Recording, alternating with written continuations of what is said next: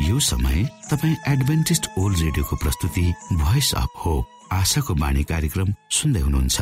कार्यक्रम प्रस्तुता म रवि यो समय तपाईँको साथमा छु। मानव जातिमा देखाइएको परमेश्वरको प्रेम र अनुग्रह तपाईँसँग बाँड्ने उद्देश्यले तपाईँकै आफ्नै प्रिय कार्यक्रम आशाको बाणीमा यहाँलाई हामी न्यानो स्वागत गर्दछौ। आशाको बाणीको आजको प्रस्तुतिबाट पनि तपाईँले परमेश्वरसँग नजिक रहेको अनुभूति गर्नुहुनेछ भनेर हामी आशा राख्दछौ। आउनु श्रोता यो मधुर भजनसँगै हामी हाम्रो मुख्य कार्यक्रमतर्फ लागौं।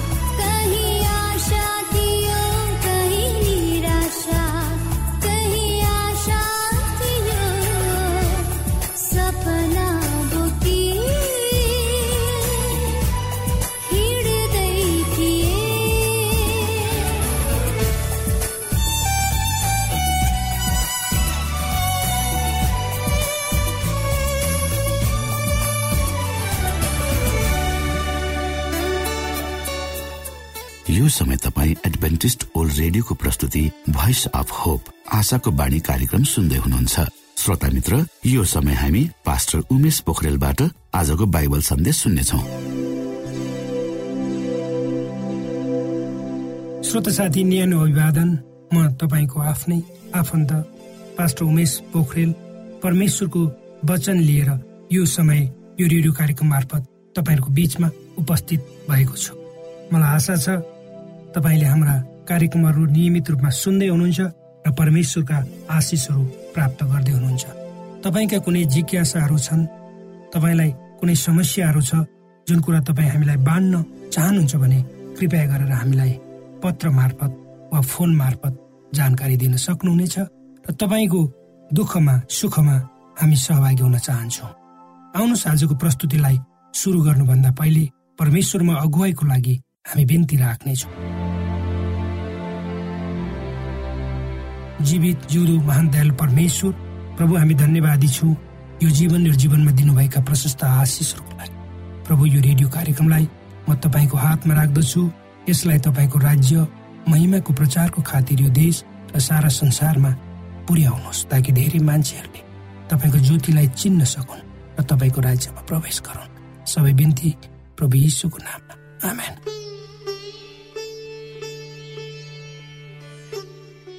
श्रोत साथी यो संसार युद्ध युद्धले भरिएको जस्तो लाग्छ।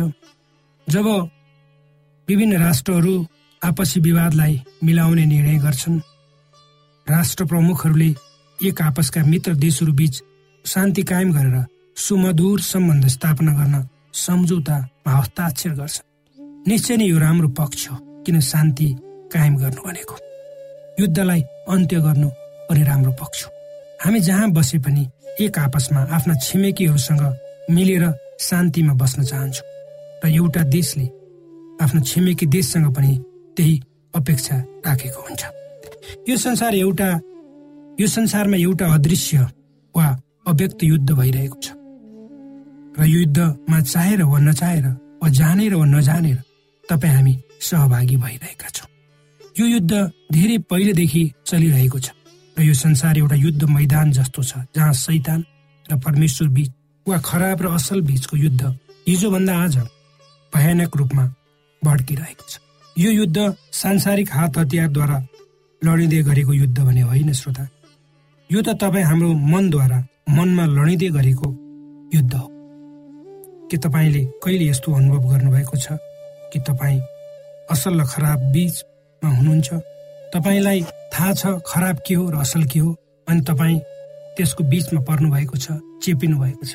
श्रोता साथी हामी सबै मानिसहरू नितान्त व्यक्तिगत लडाईँ सैतानसँग लड्दैछौँ। प्रत्येक तपाईँले मैले। यो युद्धमा तपाईँ हामी विजय हुन्छौँ वा पराजित त्यो तपाईँ र ममा पार पर्ने कुरा हो। यो संसारका सबै कुरालाई निहालेर हेर्ने भने हामी खराबी खराबले प्रशय पाएको देख्छौँ। यद्यपि राम्रा कुराहरू पनि यस संसारमा नभएका भने होइन। तर खराब जति छिटो बढ्छ फैलिन्छ त्यति छिटो असल कुरा बाहिर आउँदै त्यसलाई हामीले स्वीकार गर्नुपर्छ। सैतानसँगको यो तपाईँ र मेरो युद्धलाई हामीले आफ्नो बाहुबलद्वारा जित्न सक्दैनौँ किनकि यो आत्मिक युद्ध हो। जुन युद्धमा परमेश्वरको साथ हामीले लियौँ भने हामीले जित्न सक्छौँ। आउनुहोस् हामी केही तौर तरिकाहरूको विषयमा छलफल गर्नेछौँ जसले हामीलाई सैतानसँगको आत्मिकी लडाइँमा विजय गराउनेछ। पहिलो कुरा हामी आत्मसंयम रचनाको हुनुपर्छ जुन कुरा पवित्र धर्मशास्त्रमा यसरी लेखिएको छ।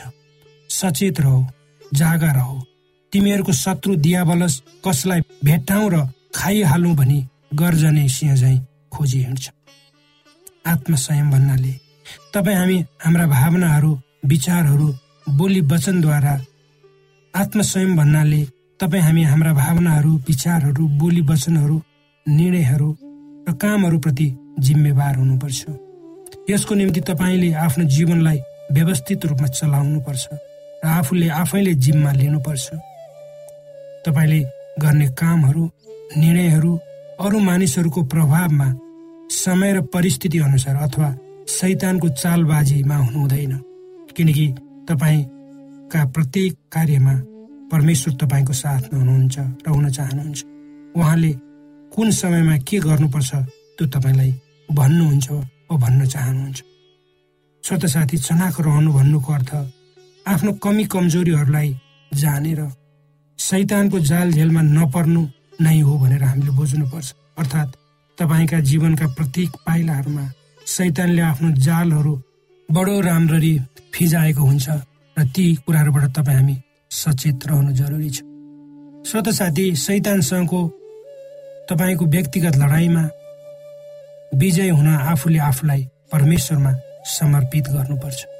जब तपाईँ आत्मसंयम र सचेत हुनुहुन्छ तब सैतानको चालबाजीबाट तपाईँ हामी सुरक्षित हुन सक्छौँ। तर सैतानसँगको अर्को युद्धको चरणमा सैतानले तपाईँ हामीलाई अझै अप्ठ्यारोमा पार्ने कोसिस गर्छ। किनकि युद्धको कला र नियम कानुनहरू बनाइएका हुन्छ र ती नियम कानुनभित्र रहेर युद्ध गर्नुपर्ने हुन्छ। यदि तपाईँले यो युद्धमा जित्नुभएका कुराहरू र हार्नुभएका कुराहरू भन्दा कम छन् भने तपाईँले युद्धको प्रभाव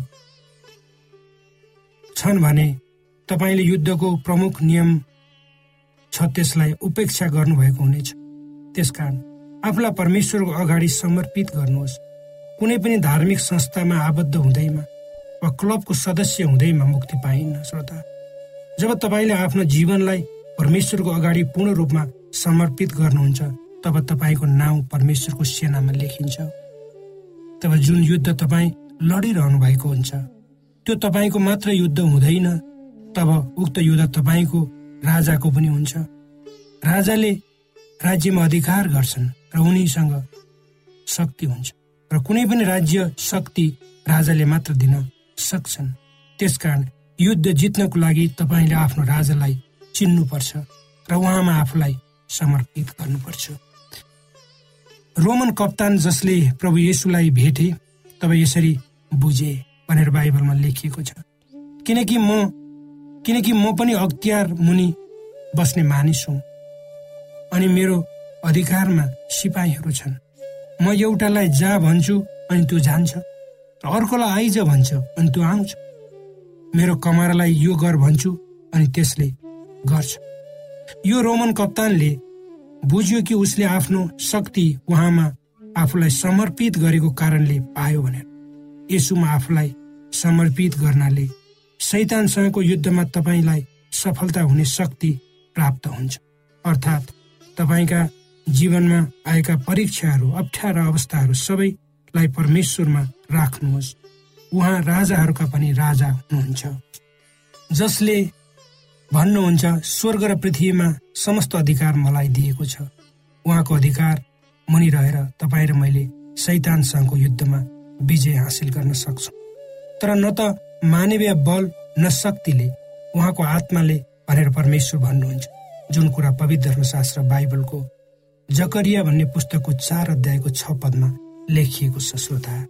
श्रोता साथी पवित्र धर्मशास्त्रमा यसो लेखिएको छ आफैलाई परमेश्वरको अधिकारमा राख दियावलसको विरोध गर र त्यो तिमीबाट भाग्नेछ जब तपाईँ हामी आत्मसंयमी हुन्छौँ सचेत हुन्छौँ परमेश्वरमा आफ्नो जीवनलाई पूर्ण रूपमा समर्पित गर्छौँ अर्को चरण सैतानले तपाईँ हामीलाई आक्रमण गर्न खोज्छ। त्यो हो त्यसमा हामीले सैतानसँग प्रतिरोध गर्नुपर्छ। तब उहाँले हामीलाई त्यसबाट स्वतन्त्र गरिदिनु हुनेछ। जब तपाईँ हामी परमेश्वरसँग पूर्ण रूपमा मिलापमा हुन्छौँ तब उहाँको शक्ति र अधिकार तपाईँ हामी पछाडि हुन्छ। त्यसपछि जब कुनै काम गर्नुहुन्छ वा बोल्नुहुन्छ तपाईँ त्यसै अनुसार गर्नुहुन्छ जुन परमेश्वरको इच्छा हुन्छ। अर्थात् तपाईँ र म परमेश्वरको प्रतिनिधिको रूपमा काम गर्दछु यस संसारमा। मानव तपाईँ गाडी चलाएर कतै जानु जाँदै हुनुहुन्छ। पुलिसको एउटा हाकिमले सिट्ठी बजाएर तपाईँलाई आफ्नो गाडी रोक्न भन्छ। किनकि तपाईँ गाडी छिटो दौडाइरहनु भएको हुन्छ। तब कानुनको सबै शक्तिले त्यहाँ काम गर्छ। यदि तपाईँ आफ्नो गाडी रोक्नु यदि तपाईँले आफ्नो गाडी त्यहाँ रोक्नु भएन भने तपाईँलाई पुलिसले घेरेर समात्नेछ र पुलिस अफिसमा लगिनेछ।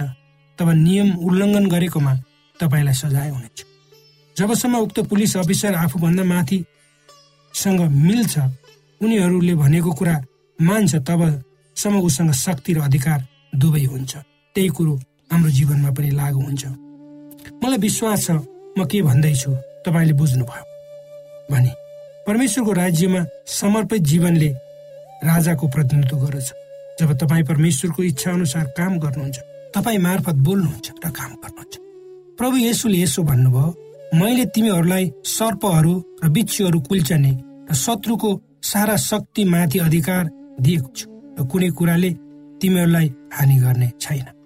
जब तपाईँले आफूलाई पूर्ण रूपमा परमेश्वरमा समर्पित गर्नुहुन्छ तब शैतानसँग तपाईँ प्रतिरोध गर्न सक्नुहुन्छ। शैतानले तपाईँलाई के बिगार्न सक्दैन प्रभु येसुले पनि शैतानसँग प्रतिरोध गर्नुभएको छ जुन कुरा पवित्र धर्मशास्त्र बाइबलको मत्ती चार अध्यायको नौ र दस पदमा यसरी लेखिएको छ। तपाईँले घोप्टो परेर मलाई दण्डवट गर्नुभयो भने यी सबै थोक म तपाईँलाई दिनेछु भनेर सैतानले भन्छ। तब यसुले त्यसलाई भन्नुभयो सैतान त दूर होइजा। किनभने लेखिएको छ तैँले परमप्रभु आफ्ना परमेश्वरलाई दण्डवत गर्नु र उहाँको मात्र सेवा गर्नु। तब सैतान त्यहाँबाट दूर भयो। श्रोत साथी आजको प्रस्तुति तपाईँलाई कस्तो लाग्यो? तपाईँका केही जिज्ञासाहरू छन् भने हामीलाई लेखेर पठाउनुहोस्। हामी त्यसको उत्तर दिन तयार छौँ।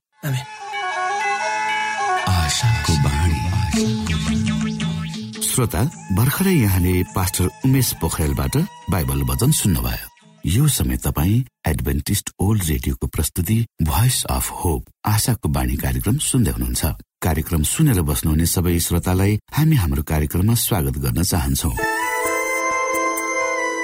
श्रोता मित्र यदि तपाईँ जीवनदेखि हरेस खानु भएको छ तपाईँका जीवनमा धेरै अनुत्तरित प्रश्नहरू छन् भने आउनुहोस् हामी तपाईँलाई परमेश्वरको ज्योतिमा डोहोऱ्याउन चाहन्छौ र तपाईँ आफ्नो जीवनका चिन्ता फिक्रीबाट निश्चिन्त हुनुहोस् र बाँच्नुको आनन्द परमेश्वरको सामिप्यमा कति मिठो हुन्छ त्यो चाख्नुहोस् भनी हामी चाहन्छौँ।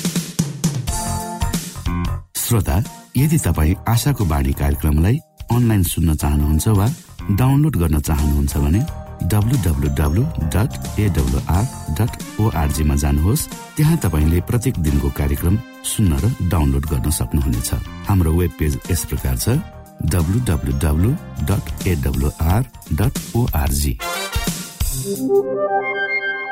श्रोता यदि तपाईँ हामीसित सिधै फोनमा सम्पर्क गर्न चाहनुहुन्छ भने हाम्रा नम्बरहरू यस प्रकार छन्। अन्ठानब्बे एकसाठी पचपन्न शून्य एक सय बिस। अन्ठानब्बे एकसाठी पचपन्न शून्य एक सय बिस। र अर्को अन्ठानब्बे अठार त्रिपन्न पन्चानब्बे पचपन्न। अन्ठानब्बे अठार त्रिपन्न पन्चानब्बे पचपन्न। यो आशाको बाणी रेडियो कार्यक्रम हो। म धनलाल राई यहाँहरूलाई यस कार्यक्रममा न्यानो स्वागत गर्दछु। आजको समसामयिक विषयको प्रस्तुतिमा उद्देश्य प्रेरित पुनर्जन्म देश देशभरका आत्मा परिवर्तनका कथाहरू प्रस्तुत छ स्वीकार्नुहोस्। आजको कथा ट्रान्टक्वी वर्ग बरा जीवनको पानी म्यानमार दक्षिण पूर्व एसियाबाट। श्रोता विद्रोहीहरूको बीचमा स्कुल खोल्ने कार्य कसरी एउटा दयाको कारणले सफल भयो भनेर यस कथाले भन्दछ?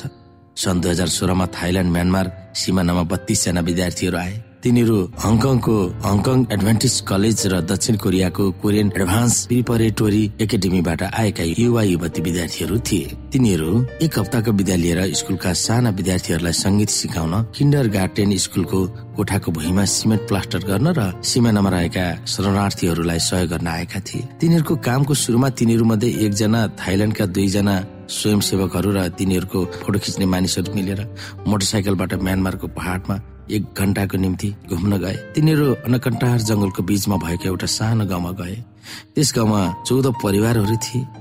त्यो गाउँमा के आवश्यकता छ र तिनीहरूलाई कसरी सहयोग गर्न सकिन्छ भनेर तिनीहरू त्यहाँ गएका थिए भनेर ट्रान्कुईले भने उनी थाइल्याण्डबाट आएका स्वयंसेवकहरू मध्ये एक थिए। त्यस गाउँमा गाउँलेहरूले दिनदिनै खानेपानीको निम्ति सङ्घर्ष गर्नुपर्ने ती पाहुनाहरूले देखे। त्यस गाउँको नजिकै रहेको पानीको ट्याङ्की करिब एक किलोमिटर जति टाढा थियो हातमा बाल्टिन बोकेर गाउँलेहरू ओहोरदोहोर गर्दथे। विद्यार्थी स्वयंसेवक जानिस सुकचिङ लीलाई ती गाउँलेहरूप्रति करुणा जाग्यो। तिनले त्यस गाउँको दुर्दशा देखेर असाध्य दुःख मानिन् र उनको कोमल हृदयलाई छोएको थियो।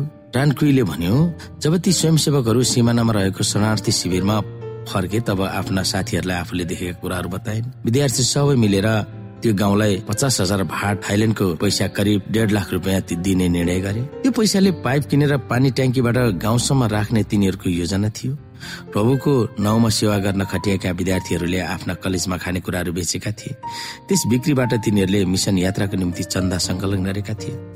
त्यस बिक्री र अरू चन्दा सङ्कलनबाट जम्मा भएका पैसाको बाँकी त्यो पचास हजार भाट थियो।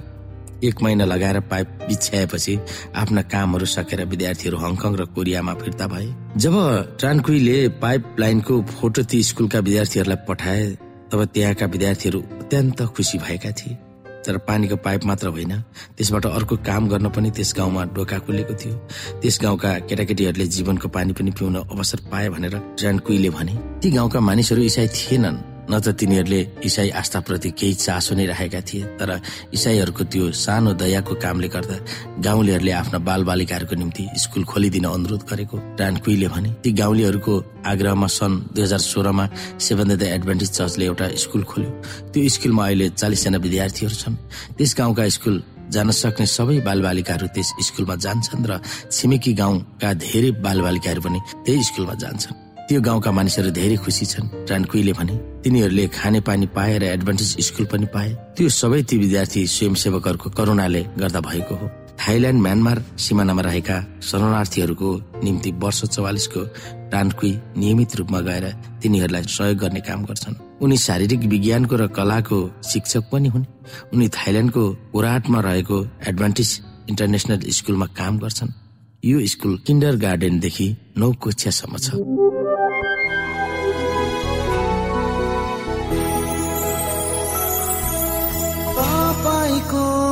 विरुद्धमा